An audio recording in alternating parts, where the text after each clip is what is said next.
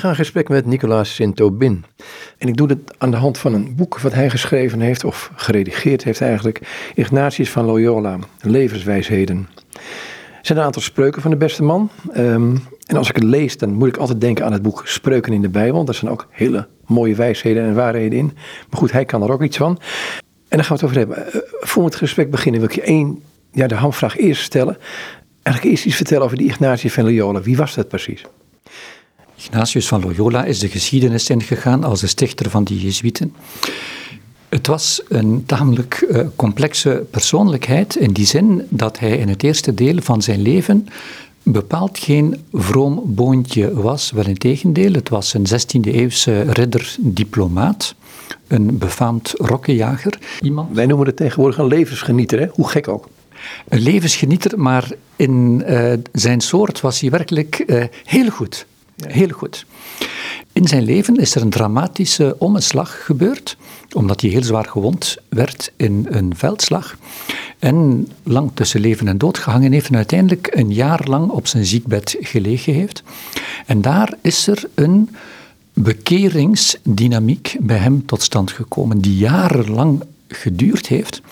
En al de passie, al de spirit, de inspiratie, het charisma dat die man had, en dat was heel wat, is die geleidelijk aan, ik zou bijna zeggen tot zijn eigen verwondering, gaan omvormen, gaan bekeren. Het is bekeerd geworden en de man werd werkelijk, sorry de uitdrukking, gek van Jezus, tot zijn eigen verwondering. En uiteindelijk is hij de stichter geworden, samen met een aantal vrienden die hij rondom zich verzameld heeft, van de Sociëteit van Jezus, het gezelschap van Jezus, beter bekend als de Jezuïten. En staat hij dus aan de oorsprong van een spiritualiteit, een manier van Christus zijn die heel sterk christocentrisch is, waar de nadruk heel sterk ligt op het meegaan met Jezus, het gezel zijn van Jezus, gezonden worden, op pad gaan, steeds weer opnieuw samen met Jezus, zoals Jezus. Een van de grote bijdragen die Ignatius van Loyola geleverd heeft, ik zou zeggen aan de christenheid, in het algemeen was hij is katholiek, hij was katholiek, maar zijn wijsheid, als ik het zo mag zeggen, wordt gebruikt en helpt alle mogelijke christenen. Zijn grote bijdrage gaat over de onderscheiding van die geesten. Het is te zeggen, hoe kan ik in mijn gebed, in mijn heel concrete dagdagelijkse ervaring en de biddende terugblik daarop, hoe kan ik in mijn ervaring God op het spoor komen? En hoe kan ik erachter komen waartoe de levende Heer mij, ons, vandaag uitnodigt. De Ignatiaanse spiritualiteit in die zin is een onderscheidingsspiritualiteit en een spiritualiteit van de keuze. Hoe kom ik erachter hoe ik heel concreet, dag in, dag uit, een goede christen kan zijn? Dat wil zeggen een gehoorzame christen, een christen die zich laat inspireren door Gods geest, dag in, dag uit. Dat betekent, als ik je zo hoor, dan denk ik, nou, dat betekent dat hij dus met zijn, hij is, het, hij is gek op Jezus, maar zijn geliefde Jezus, dat hij tijd met hem moet doorbrengen. Um, put hij dan uit een rijke traditie? Ik denk aan de Broeders des Gemene Levens, ik denk aan de mystiek uit de middeleeuwen, Rusbroek, um, en ga verder terug. Inderdaad, Ignatius uit een hele rijke traditie. Zoveel heeft hij eigenlijk bij manier van spreken niet zelf uitgevonden. Er was een grote vernieuwingsbeweging, ook spiritueel in de christenheid, in het, aan het einde van de 15e, het begin van de 16e eeuw, de tijd van Ignatius. En de, de Devotio Moderna, die je net genoemd hebt, maakt daar deel van uit. Ignatius heeft die eerste jaren vooral geleefd in Spanje. En er waren allerlei bewegingen in Spanje die in contact stonden met Noord-Europa enzovoort, waardoor die vernieuwing binnenkwam.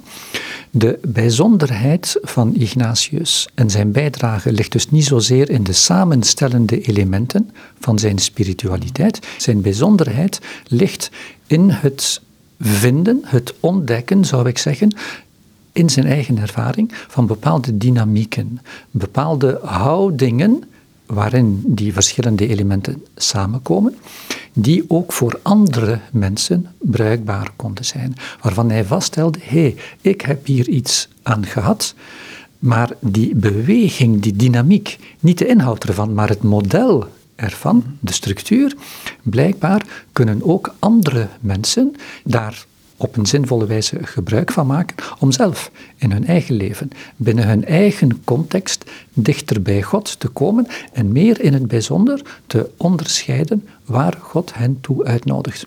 En dan komen we uit bij zijn boekje De geestelijke oefeningen. En de geestelijke oefeningen zijn eigenlijk een gebedstraject. Als je ze allemaal na elkaar doet, dan ben je 30 dagen voltijds bezig. En die geestelijke oefeningen zijn eigenlijk een voornamelijk bijbels gebedstraject waarbij je uitgenodigd wordt om je hele leven voor God, meer in het bijzonder voor Jezus te brengen. Zowel je verleden, je heden als je toekomst, zowel je vreugde als je pijn, je verlangens, je dromen als je frustraties. En dat steeds meer gefocust op het samen in het leven staan met Jezus. Om op die manier erachter te komen, wat kan die navolging van Jezus, het gezel zijn van Jezus, het vriend, vriendin zijn van Jezus, wat kan dat heel concreet voor mij betekenen? Niet voor een mens, voor een man, een vrouw, nee, voor mij. Voor mij bijvoorbeeld Nicolas Sint-Aubin. Wat betekent vandaag de navolging van Jezus voor mij? Niet door daar heel diep over na te denken en allerlei interessante gedachten te ontwikkelen.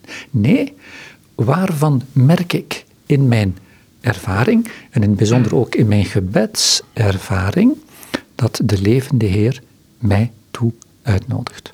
Dan heb je het over een relatie.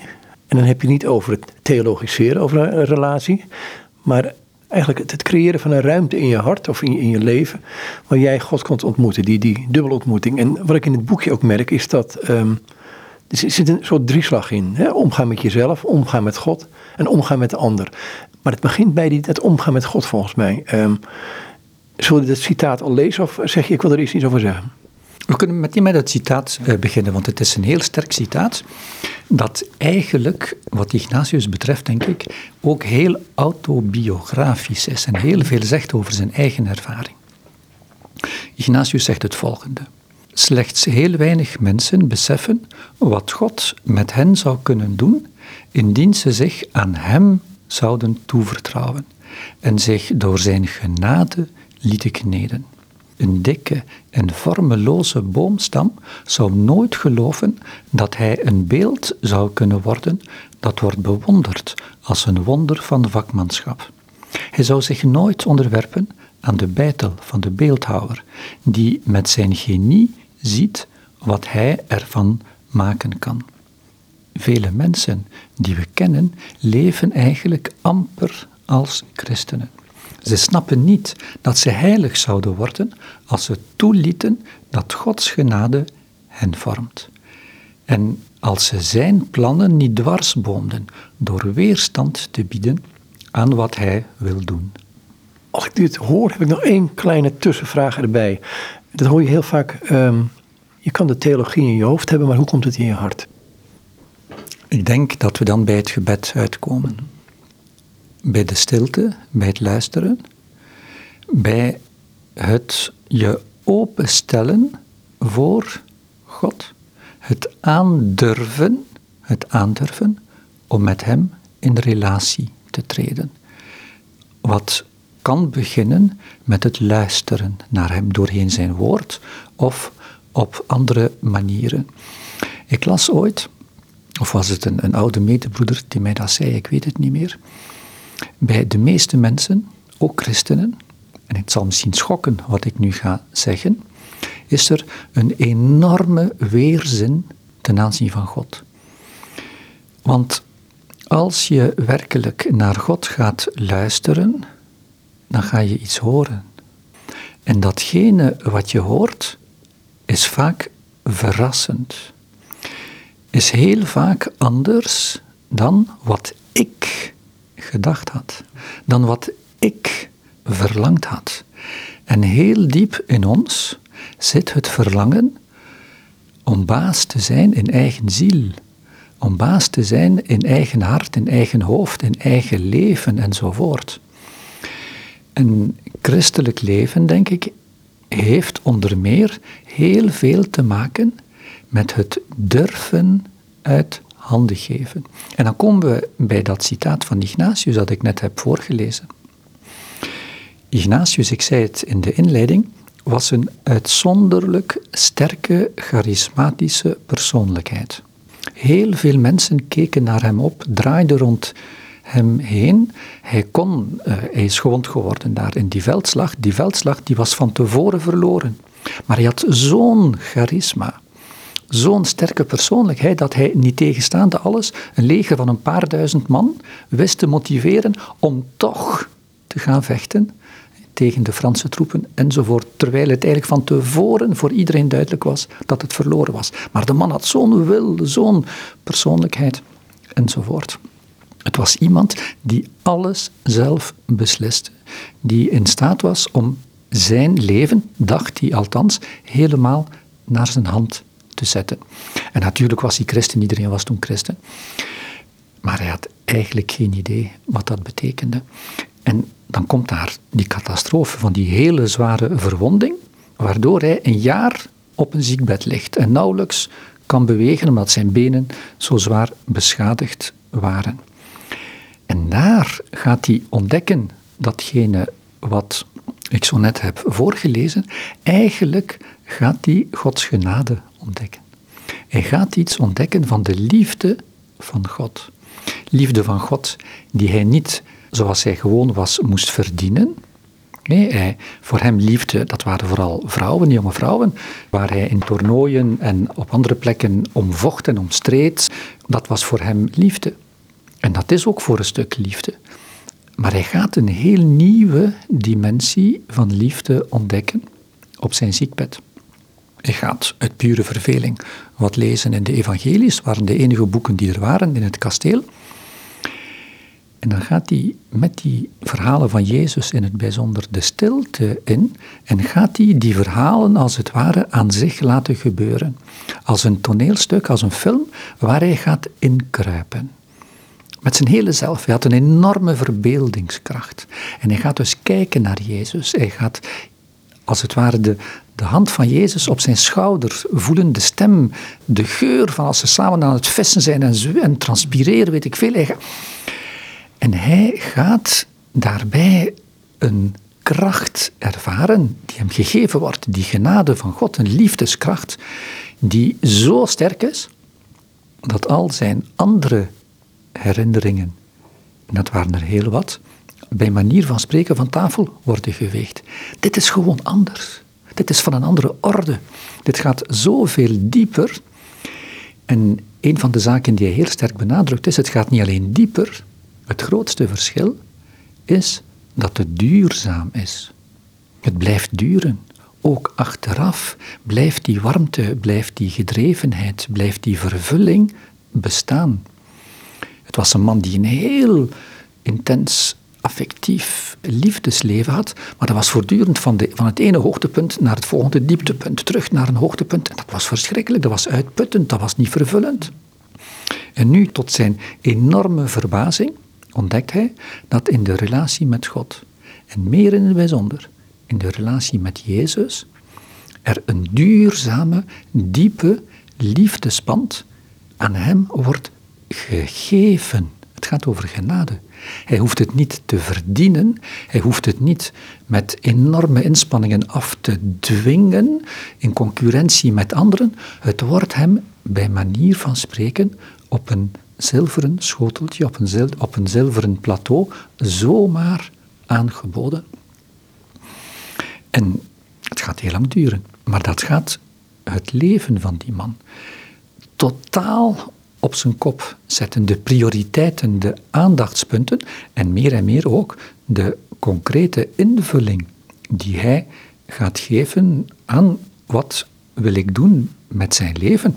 En de praktijk heeft uitgewezen dat daar een buitengewoon mooie en rijk leven uit voortgekomen is vanuit die genade. Onvoorstelbaar dat zo'n rokkenjager zo'n ijdeltuit, een onwaarschijnlijke ijdeltuit, voor wie enkel maar eer en geld bestonden, gaat werkelijk een God gegeven Jezus vriend worden, die over de hele wereld het leven van mensen gaat helpen opentrekken, als het ware, voor God. En ik herhaal het steeds opnieuw, in het bijzonder voor Jezus. Dat is die ruimte van hem waar hij in zijn hart, waar de verbeelding belangrijk voor hem is, die ontmoeting met God heeft. Dat is ook enorm wennen aan elkaar, denk ik. En ook niet voor iedereen hetzelfde. Het is voor iedereen verschillend. Het bijzondere van de spiritualiteit, de Ignatiaanse spiritualiteit, waar Ignatius echt van aan de oorsprong ligt, is, het klinkt een beetje uh, provocerend misschien wat ik nu ga zeggen, maar is dat die spiritualiteit leeg is. Je mag ze zelf invullen. Het is een bepaalde blik, het is een, br een bril die je opzet om naar je werkelijkheid te kijken, naar je ervaring en daarbinnen op zoek te gaan naar God, naar de levende Heer, de levende Jezus. Maar op zo'n manier dat jij en ik, omdat jij verschillend bent van mij en een ander leven hebt dan ik, uiteraard per definitie, als wij met een gelijkaardige bril naar onze werkelijkheid gaan kijken, gaan wij hoe dan ook verschillende zaken zien. En het eigene van die Ignatiaanse spiritualiteit, omdat zij bij manier van spreken dus leeg is en ingevuld mag worden en dient te worden met jouw ervaring, met mijn ervaring, is dat ze uitnodigt om heel ver te gaan en steeds verder. Het is ook een spiritualiteit van de groei, van de levenslange groei, om helderder te krijgen wat is mijn wijze om Jezus na te volgen. En hoe kan ik mijn talenten, welke ze ook zijn, hoe kan ik mijn talenten die ik gekregen heb, in dienst stellen daarvan en die talenten steeds meer ook verfijnen. En dat maakt dat die spiritualiteit door de eeuwen heen uitgenodigd heeft en geleid heeft tot een vuurwerk van creativiteit. Want jij, als jij werkelijk steeds verder gaat in het luisteren. En ik, en om het even wie, vanuit die spiritualiteit, dan gaan wij steeds weer nieuwe, scherpere, fijnere, kan heel gewoontjes zijn hoor, maar elk binnen zijn kennisdomein, haar kennisdomein, steeds meer ons kunnen creatief openstellen voor die genade, want het is allemaal genade, om in jouw leven, mijn leven, het leven van de mens, die op die manier probeert eh, christen te zijn, maximaal Gods genade, Gods zelfgave aan het werk te laten. En dan gebeuren wonderen. Dan gebeuren dingen die totaal onvoorspelbaar zijn, want ze komen niet van mijn persoontje. Het is niet ik die met alle weet ik veel, wil bewijzen hoe goed of hoe dit of hoe dat. Het wordt me gegeven. En ik mag met die genade meewerken op een pad in een richting die mij geleidelijk aan helderder wordt, maar die ik van tevoren niet ken, want ik bepaal het niet zelf. Is het dan zo in die beweging en die relatie met God, waarin Jezus centraal staat, mag ik wel zo zeggen. Eh, het werk van de Heilige Geest in je. Uh, is het dan zo, in de mate je daarin in die intimiteit komt of dichterbij komt, dat je daardoor ook met anderen, dichter bij anderen komt die diezelfde beweging maken? Terwijl dat niet conformerend is tegelijkertijd. Als dat kan gebeuren, is dat heel goed. En inderdaad, ik denk dat die gemeenschapsdimensie binnen de verscheidenheid eigenlijk deel uitmaakt van het christelijk leven. Ik geef nu bijvoorbeeld een cursus, een vormingstraject Ignatiaanse spiritualiteit aan een hele grote groep kluizenaressen, wereldwijd, een paar honderd. Dat zijn vrouwen die het grootste deel van hun dag in stille eenzaamheid doorbrengen, in belangrijke mate in gebed. En een van de zaken die ze nu aan het ontdekken zijn, is hoe ongelooflijk verrijkend En versterkend ook in hun stilte en in hun eenzaamheid kan zijn, het af en toe samenkomen, wat ze voordien ook al deden hoor, maar om ook inhoudelijk, vertrekken bijvoorbeeld van die tussen aanhalingstekens, ik herhaal het, lege Ignatiaanse spiritualiteit, om hun eigen invulling, hun eigen ervaring naast elkaar te leggen, om te mogen luisteren naar elkaar. Niet om te zeggen, ik heb het begrepen en je hebt er niks van begrepen, ik ga het jou even uitleggen, maar om te zien hoe Gods genade, God zelf, de levende Heer zelf, leeft en werkt en zich openbaart, dag in, dag uit, in het leven van al die verschillende mensen. En als wij samen dat doen en ook naar elkaar luisteren, ja, dan is God in een veelvoud aanwezig. Waar twee of meer in mijn naam samen zijn, daar zal ik zijn, zegt uh, Jezus.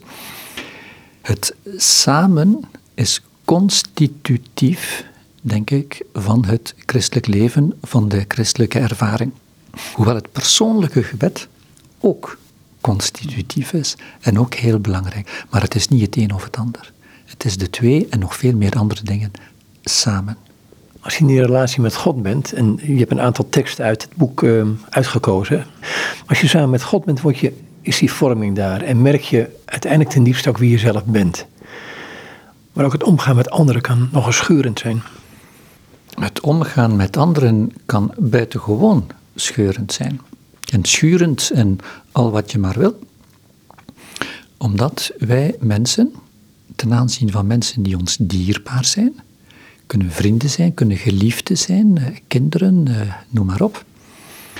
Verlang is er altijd iets in ons, of toch meestal, dat hoopt, ja, ik hoop toch en ik verwacht eigenlijk dat hij of zij toch een beetje zoals ik zal denken.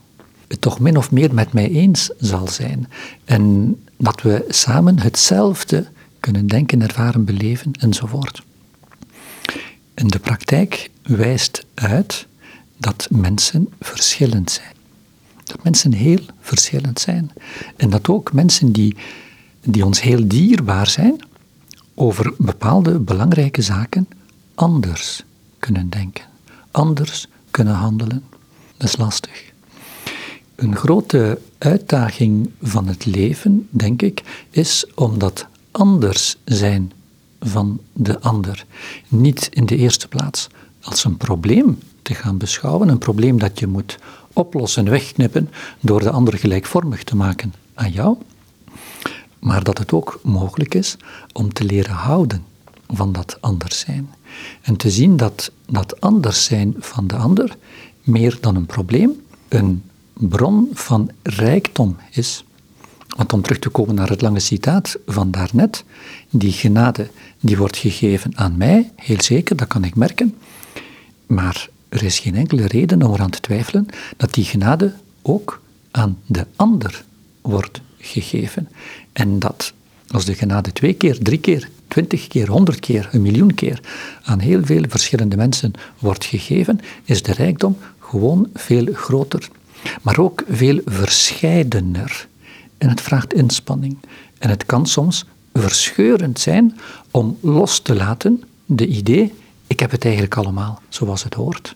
En het is mijn manier, mijn manier van bidden, mijn manier van omgaan met anderen, mijn manier van dit, mijn manier om het even wat eigenlijk, dat is de beste. Nee, mijn manier is mijn manier. En er zijn heel veel andere manieren. En God geeft talenten en wijze van omgaan met om het even wat aan elke mens. En de kunst is om de wijze waarop die genade wordt toebedeeld aan elke mens werkelijk tot ontplooiing te laten komen, ook in de relatie die ik heb met die mensen, met mijn kind, met mijn partner, noem maar op. En dat ik die niet, wat spontaan vaak bewust, onbewust gebeurt, wil dwingen op mijn pad. Want mijn pad is toch zo goed. En mijn pad, heb ik zoveel ervaringen. En mocht mijn kind, mocht mijn weet ik veel, eh, ook op dat pad, die zou daar toch zoveel deugd van hebben. Het aandurven dat de ander anders is, dat wij allemaal unieke personen zijn. Dat raakt gewoon aan de kern van ons christen zijn. Want de kern van ons godsbegrip of onze godsdefinitie is de drie-eenheid binnen God zelf. Is er verscheidenheid? Zijn er verschillende personen? En elke mens, jij en ik hier nu, hebben elk een unieke persoonlijkheid. En dat niet als een probleem, maar als een rijkdom en een voortdurende uitdaging, uitnodiging, leren beleven om verder te gaan. Om te groeien in het leven. En dat maakt dat het samenleven, samenwerken, voortdurend, voortdurend tricky kan zijn. En schurend kan zijn en daardoor stimulerend tegelijkertijd. Je haalt nog iets anders aan in wat je zegt. Ehm, dat is dit, um, wat ik erin proef. Je hebt dus die, die relatie met God. Daar zijn hele mooie momenten bij. Ook hele dorre momenten kunnen zijn. Maar geef niet goede momenten toe. Of, een mooie dienst, dat ik het even heel plat maken. Gewoon maken. Um, het kunnen momenten zijn die je vast wilt houden. En daardoor uh, niet meer in staat bent of lijkt uh, met een ander op een, op een. Ja, je wil eigenlijk dat die ander het ook beleeft. Maar je kunt het niet loslaten. Waardoor het bevroren raakt. Ik zou daar twee dingen willen op zeggen. Dus ten eerste, als je werkelijk hele goede ervaringen gehad hebt, ervaringen van ontmoeting, ervaringen van verbondenheid, het kan een godservaring zijn doorheen een contact met andere mensen in gebed. En als die vreugde, die kracht ook blijft bestaan na afloop van de ervaring, wat meestal teken is dat het werkelijk van God komt, want enkel Hij kan duurzame vreugde geven, dan kan het heel zinvol zijn om daar opnieuw naartoe te gaan in je herinnering. En als het ware je batterij, als je dat aandient, opnieuw op te laden. Toen heb ik het gevoeld. Nu twijfel ik misschien wat aan het bestaan van God, of eh, ik heb het nu moeilijk in die relatie met die persoon, maar op dat ogenblik daar was het echt goed. En ik weet dat die ervaring toen niet fake was. Ik had echt geen jointje gerookt of ik was echt niet dronken. Nee, nee, dat was een authentieke ervaring. Daar mag ik op bouwen. Die was waar en er is geen enkele reden om aan te nemen dat die in de toekomst zich niet zal herhalen. Dus het belang van die ervaringen, ook uit het verleden, waar je opnieuw je batterij mag gaan opladen aan de ene kant. Maar een tweede zaak is dat, ik zou zeggen, even belangrijk is om aandachtig in het leven te staan, ook vandaag. En niet te vervallen in nostalgie. Vroeger was het toch beter. Vroeger was het toch veel beter, want toen kon dit, toen kon dat ook in mijn leven. Vroeger, heet daar, toen, als ik jonger was, als ik weet ik veel, als ik in die omstandigheid vertoefde, toen was het echt goed en nu is het niks meer. Nee, nonsens. Die genade waar we het over hadden, die genade wordt mij ook vandaag aangeboden.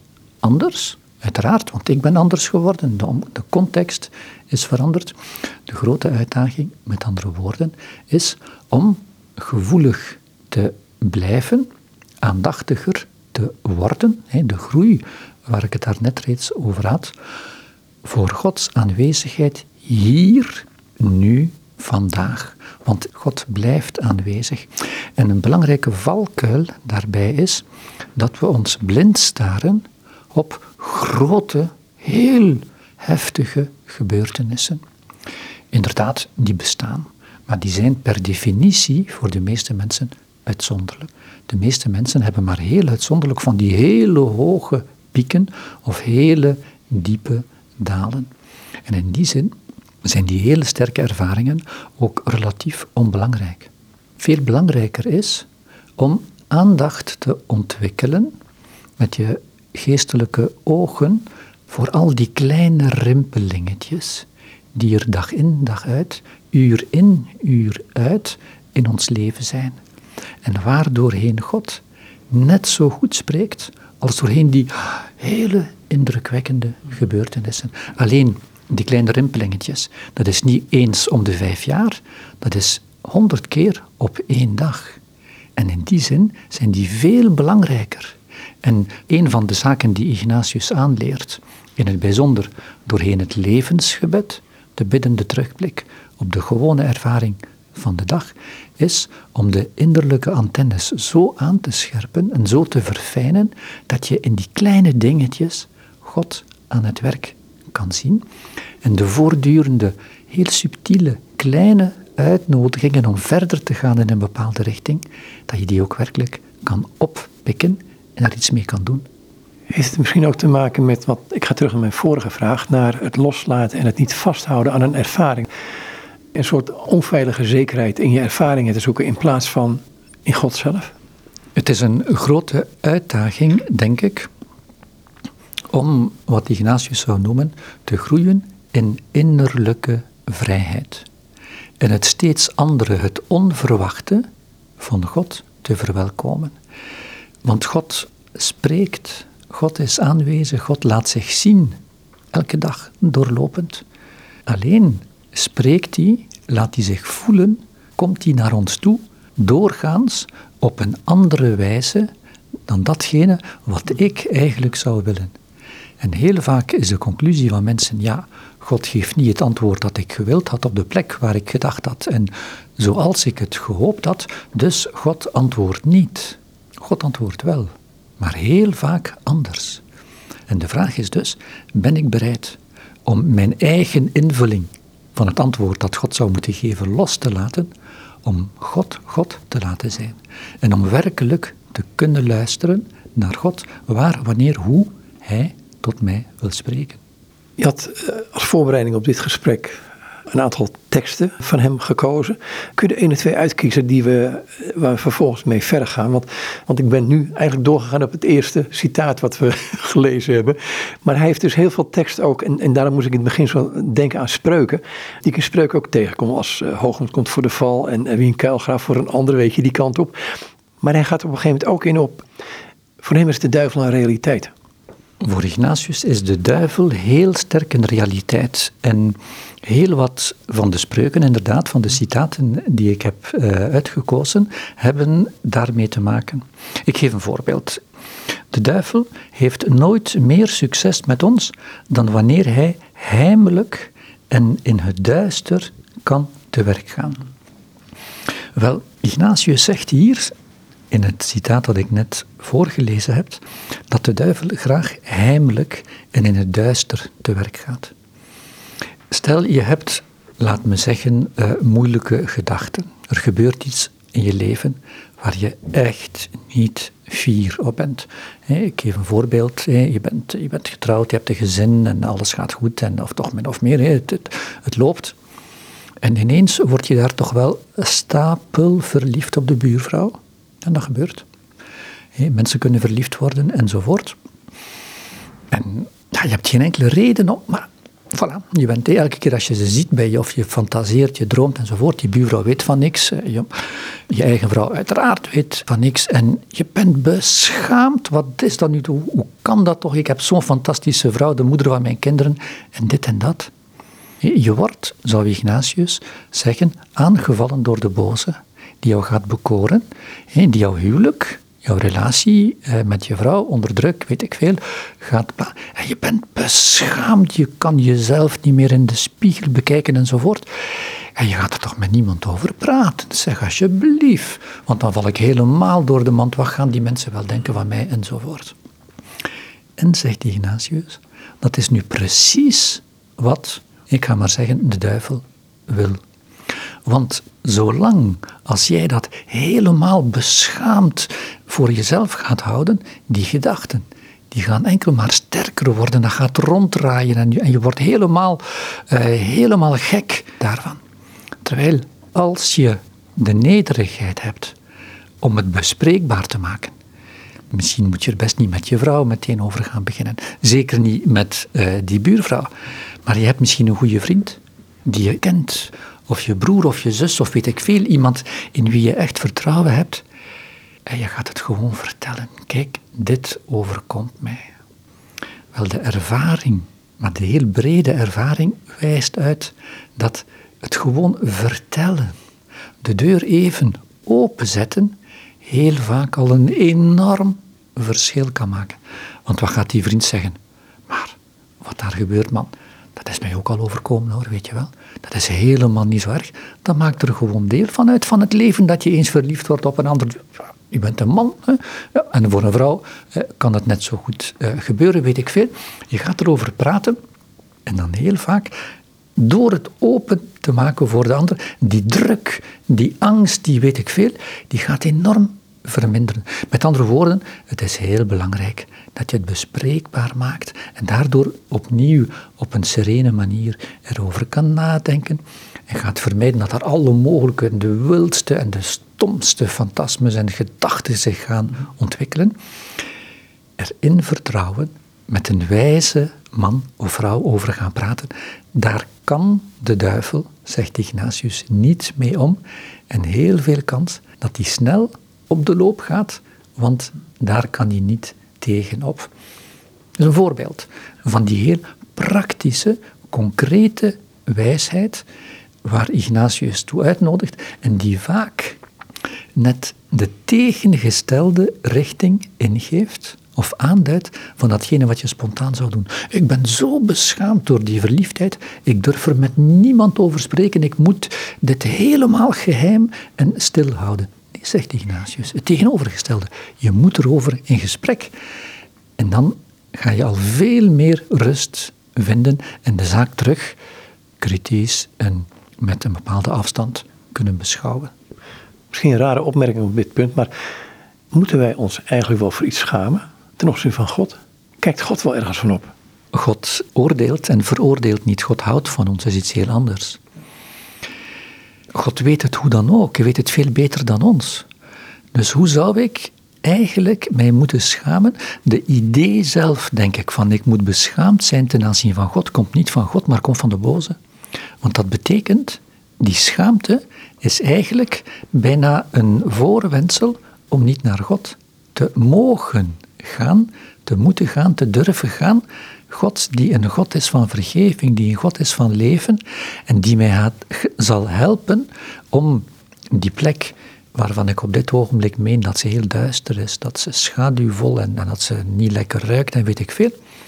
God vraagt enkel maar dat hij zijn leven en zijn licht en zijn liefde, zijn liefdestroom daardoorheen kan laten gaan om al die rottigheid weg te vagen, weg te doen stromen. Kijk naar de psalmen. De psalmen staan vol van gedachten die eigenlijk niet horen, die niet netjes zijn. Van haat, van woede, van afgunst, noem maar op. Van geweld. En die de psalmist nogthans voorlegt aan God. En elke keer opnieuw zien we hoe door dat open biddend spreken met God, die woede, al die negativiteit, ja, eigenlijk wordt weggevaagd en ruimte ontstaat voor God zelf. De andere kant, um, daar heb je ook een tekst over, is je kunt ook heel makkelijk de kleine zonde bagatelliseren. Denk, ach, het, stelt niks voor. Inderdaad. Uh, en ook hier komen we weer bij de heel praktische wijsheid van Ignatius. Die zegt dat in zekere zin kleine zonden veel erger zijn dan grote zonden om de reden die we daarnet reeds genoemd hebben, uitzonderingen niet te nagelaten, bij mensen die een beetje hun best doen, die grote zonden, die verschrikkelijke dingen, die gebeuren niet zo vaak, die zijn uitzonderlijk.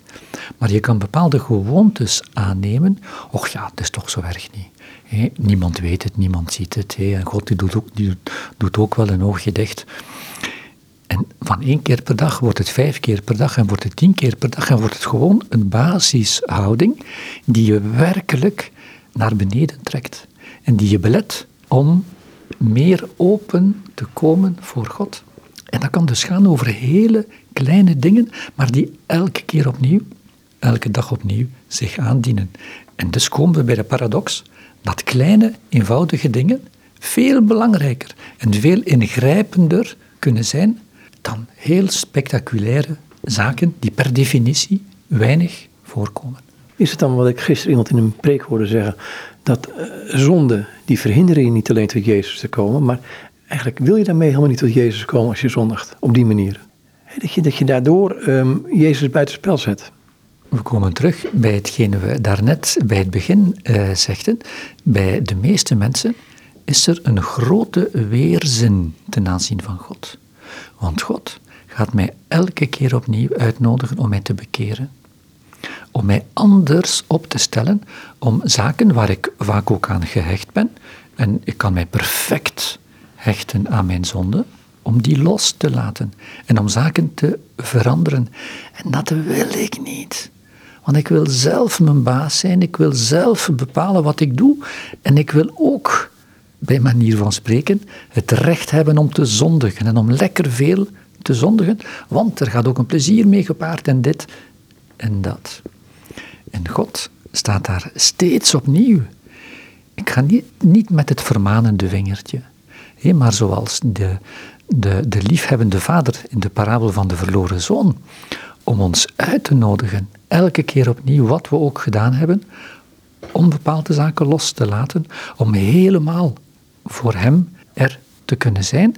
Maar dat betekent dat ik iets moet loslaten van mezelf. En heel vaak hebben we daar heel moeilijk mee.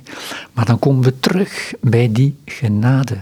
Bij die genade ook de bekering wordt ons gegeven. En vandaar dat het belangrijk is om te durven bidden, dat wil zeggen te durven vragen aan God dat Hij ons bekeert. Dat God mij geeft, dat Hij mij de genade geeft om bijvoorbeeld die, die kleine pekelzondes, om die toch los te laten.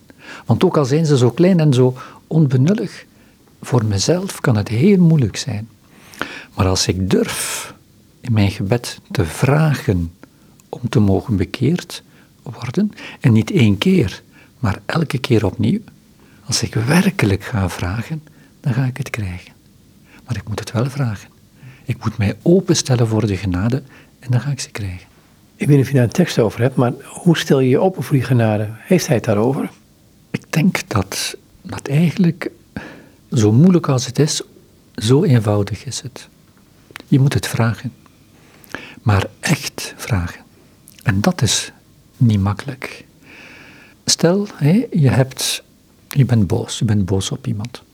En ik heb hele goede redenen om boos te zijn op die persoon. En die persoon is mij dierbaar.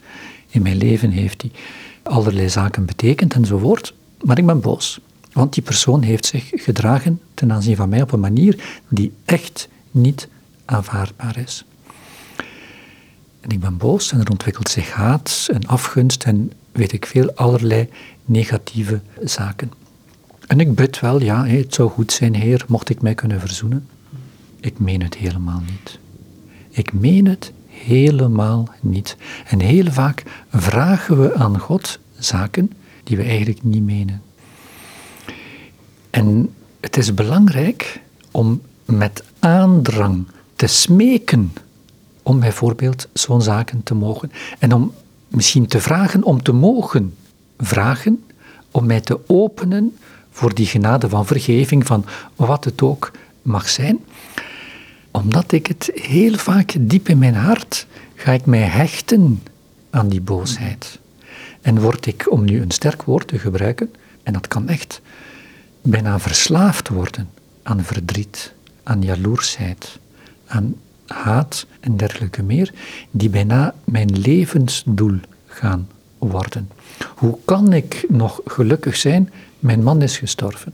Ik kan toch niet meer gelukkig zijn? ik ben weduwe, ik ben weduwenaar, ik ben dit, ik ben dat, ik ben gescheiden, ik ben, mijn kinderen gaan niet meer naar de kerk. Hoe kan ik nog vreugdevol zijn? Dat kan wel. Dat kan wel.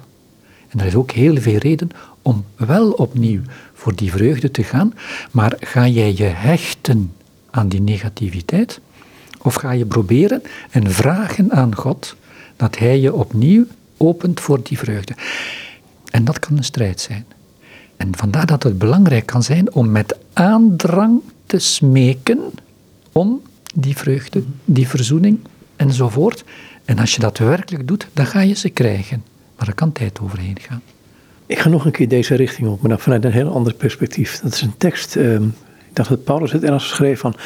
Uh, dat hij, die een goed werk nu begonnen is, zal het voleindigen tot de dag van Christus Jezus. Als ik die tekst lees, is het voor mij één bemoediging, denk ik, ha, gelukkig. He, zo, zo komt het bij mij over. Maar ik kom ook mensen tegen die zeggen, ja, hoe weet ik nou dat God een goed werk in mij begonnen is? En dat, dat denk ik, ja, hoe weet je dat? Als ik naar Ignatius ga kijken. Er zijn twee dingen, denk ik. Dus ten eerste, de meeste mensen die zich die vragen stellen, leven al een tijdje. Die hebben al heel wat ervaring. En bijna iedereen, ik denk misschien zelf te mogen zeggen iedereen, heeft in zijn leven, vaak op onverwachte manier, al iets van die goedheid, van die genade van God mogen ervaren. Niet omdat ik het gelezen heb in boeken, omdat anderen het mij verteld hebben. Nee, in mijn eigen leven zijn er allerlei redenen van dankbaarheid. En danken is het gebed bij uitstek. Jezus dankt ook voortdurend. Dankbaarheid om het verleden. Om alles wat ik gekregen heb, soms heel verschillend van wat ik verwacht, heb, verwacht had aan de ene kant. En dan aan de andere kant blijft het voortdurend belangrijk om aandachtig te zijn.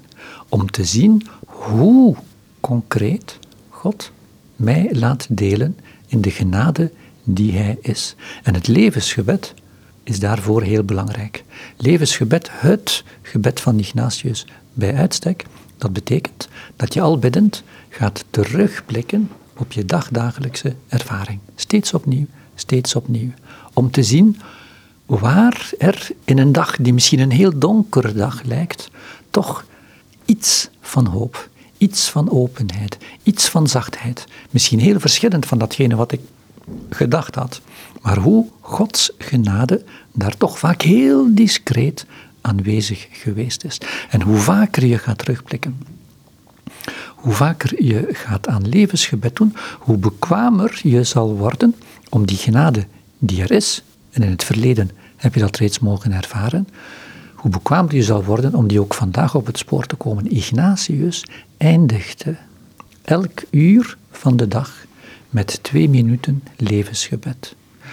Waar heb ik hier iets van warmte, van verbondenheid? Hoe heb ik het voorbije uur, al heb ik de hele tijd vergaderd, brieven geschreven, eh, moeilijke dingen, hoe heb ik God hier mogen ervaren? Dat is iets wat je kan leren. De vraag die er ook tegenaan hangt is: hoe weet ik dat het voor mij is? Persoonlijk. Daar heb ik in zekere zin een eenvoudig antwoord op. Als ik voel diep in mijn hart, dit maakt mij rustig. Hier voel ik iets van vreugde, van vertrouwen, hoe moeilijk de context ook is. Wel, die diepe kan heel subtiel zijn duurzame vreugde, vertrouwen, openheid, uh, rust, gedragenheid, die ligt niet. Die kan ik niet zelf maken, die krijg ik, die ontvang ik. En een van de kernintuïties van Ignatius is dat God in de eerste plaats vandaag spreekt in jouw hele diepe persoonlijke gevoelservaring. Niet van ik vind het leuk, ik vind het niet leuk. De bovenkant, de oppervlakte die, die je met, met, uh, op alle mogelijke manieren kan manipuleren. Nee, die diepe laag van je ervaring. Wat daar gebeurt, en in de mate dat je daar toegang toe krijgt, vanuit je gebed, door terug te blikken opnieuw het levensgebed, steeds opnieuw het levensgebed, wat daar gebeurt, zou ik zeggen, is betrouwbaar. Daar spreekt God tot jou. De taal die God vandaag spreekt, is de taal van de ervaring van de mens. En de gevoelservaring is de kern, de meest persoonlijke dimensie van de menselijke ervaring. Hoe wezenlijk is het daarin om te beseffen dat je een gegeven bent dat je niet het product van je eigen denken bent, maar dat je gegeven bent, geschapen bent, zou je kunnen zeggen. Maar wat oproept tot dankbaarheid, wat je, wat je het over gehad hebt? Ik denk dat een mens die een klein beetje eerlijk is met zichzelf en een klein beetje zelfkritisch is en die bereid is om dat te doen, heel snel tot het inzicht komt. Dat zo goed als al het mooie dat hem of haar overkomt, genade is, gegeven wordt. Ik kan eraan meewerken. Natuurlijk kan ik eraan meewerken. Maar het wordt mij gegeven.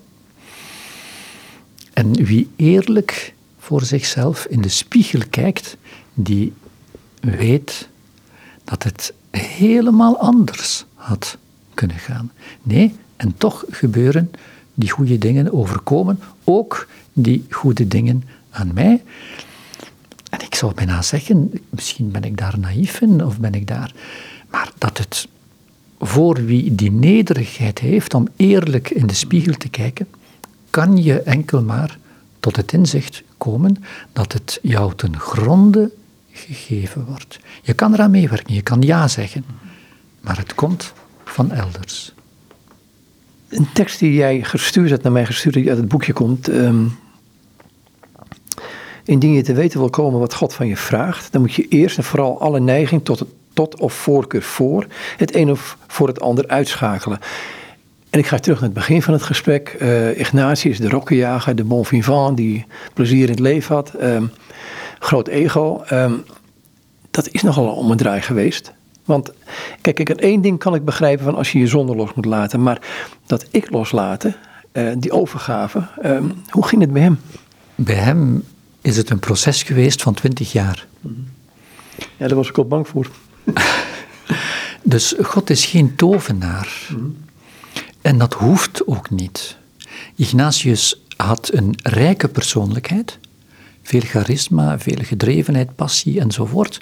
Maar het bouwwerk dat hij ermee gemaakt had, zat niet zo goed in elkaar. De architectuur ervan was niet zo overtuigend en vandaar dat het ook in elkaar kon storten. En bekering, denk ik, betekent niet alles wat ik ben, alles wat ik heb, in de vuilbak en van scratch zonder iets opnieuw beginnen. Nee, betekent veel meer bekeren. Dus veranderen, anders er naar kijken. Die bouwstenen, waarvan heel veel, misschien de meeste zelf goede bouwstenen zijn van jouw persoonlijkheid, van jouw levensverhaal, die iets anders gaan ordenen. Iets anders gaan ordenen op zo'n manier dat ze niet meer in de eerste plaats op mezelf gericht zijn, maar op God, samen met God, uh, de ander.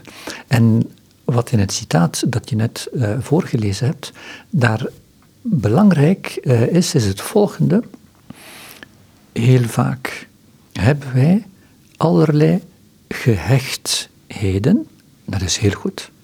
Wie zich niet kan hechten aan iets of iemand, heeft een heel groot probleem.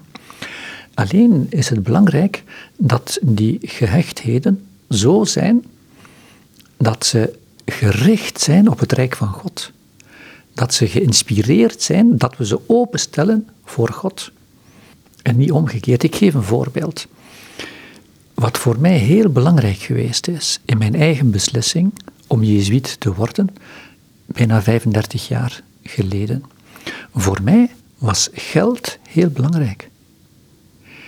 Ik uh, was begonnen, ik heb een paar jaar gewerkt, uh, ik was begonnen met een carrière ik verdiende goed geld en ik was vast van plan van heel veel geld te verdienen. Ik vond dat gewoon heel belangrijk. En ik denk dat ik bij manier van spreken een ongeordende gehechtheid had ten aanzien van de rijkdom. Bruintje in mijn portefeuille, die moest heel goed gevuld zijn. En het is voor mij een enorme bevrijding geweest dat ik die aantrekkingskracht van het geld eigenlijk in de ogen heb kunnen kijken en gezegd heb, ja maar dit belet mij van te leven zoals ik het eigenlijk zou willen, zoals ik eigenlijk uitgenodigd word, eerder dan dat het mij helpt om mij meer, om een mooier mens te worden. Het is mij gegeven geworden om in te zien dat daar, ik ga dat technisch woord toch nog even gebruiken, een ongeordende gehechtheid was, die mij belette om te kiezen datgene waar ik eigenlijk wilde voor kiezen. En waar Ignatius toe uitnodigt is om in die terugblik, in dat levensgebed, om daar doorheen zicht te krijgen op wat mij eigenlijk vasthoudt op een manier die niet goed is. En die mij afremt en die mij naar beneden haalt en die het mij moeilijk en soms onmogelijk maakt om echt te horen waar God mij toe uitnodigt. Ik denk dat ik geroepen ben, denk ik nu al ongeveer 35 jaar, tot uh, religieus leven. En ik ben blij, heel dankbaar dat ik die keuze heb mogen maken. Maar die hele sterke aantrekkingskracht die het geld op mij uitoefende, was een serieuze belemmering om daarachter te komen. En het zien daarvan heeft ruimte geschapen bij mij, in mijn verhaal, om echt te kunnen kiezen voor datgene waarvan ik dacht en nog steeds denk dat het het pad was, is, waarop God zelf mij uitgenodigd heeft en nog steeds uitnodigt. Je, je zegt, je werd in de ruimte gezet, in wezen met God. Is dat het, het, het hele leven niet dat je in een ruimte gezet wordt met God, waardoor je de goede keuzes kunt maken? Ik denk dat het hele leven inderdaad een uitnodiging is om dat gesprek verder te zetten. Het is niet eens en voor altijd. Het is niet iets, een beslissing voor mezelf bijvoorbeeld, die ik eh, ruim 30 jaar geleden eens en voor altijd gemaakt heb. Die keuze moet steeds vernieuwd en verfijnd en verder uitgewerkt worden. Dat geldt voor mij voor religieus leven, dat geldt binnen een huwelijk, dat geldt binnen alle mogelijke vormen van christelijk leven. Steeds opnieuw mag je groeien in de concrete vormen en uitdrukkingen die je geeft aan je, ik zou zeggen, vriend of vriendin zijn, gezel, gezellin van Jezus. Dat is een levenslang avontuur. En een eik groeit heel langzaam. Een eik groeit heel langzaam. Je ziet vaak niet dat die groeit, maar hij groeit. Ik wou het hierbij laten. Dankjewel. Dank, het was een plezier. En dit zijn Nicolaas Sint-Aubin. En met hem sprak ik aan de hand van het boek Levenswijsheden, door hem geredigeerd. Levenswijsheden dus van Ignatius van Loyola. Het boek is uitgegeven bij Kok Boekencentrum Uitgevers in Utrecht. Goed, nogmaals dus tot zover dit gesprek met Nicolaas Sint-Aubin.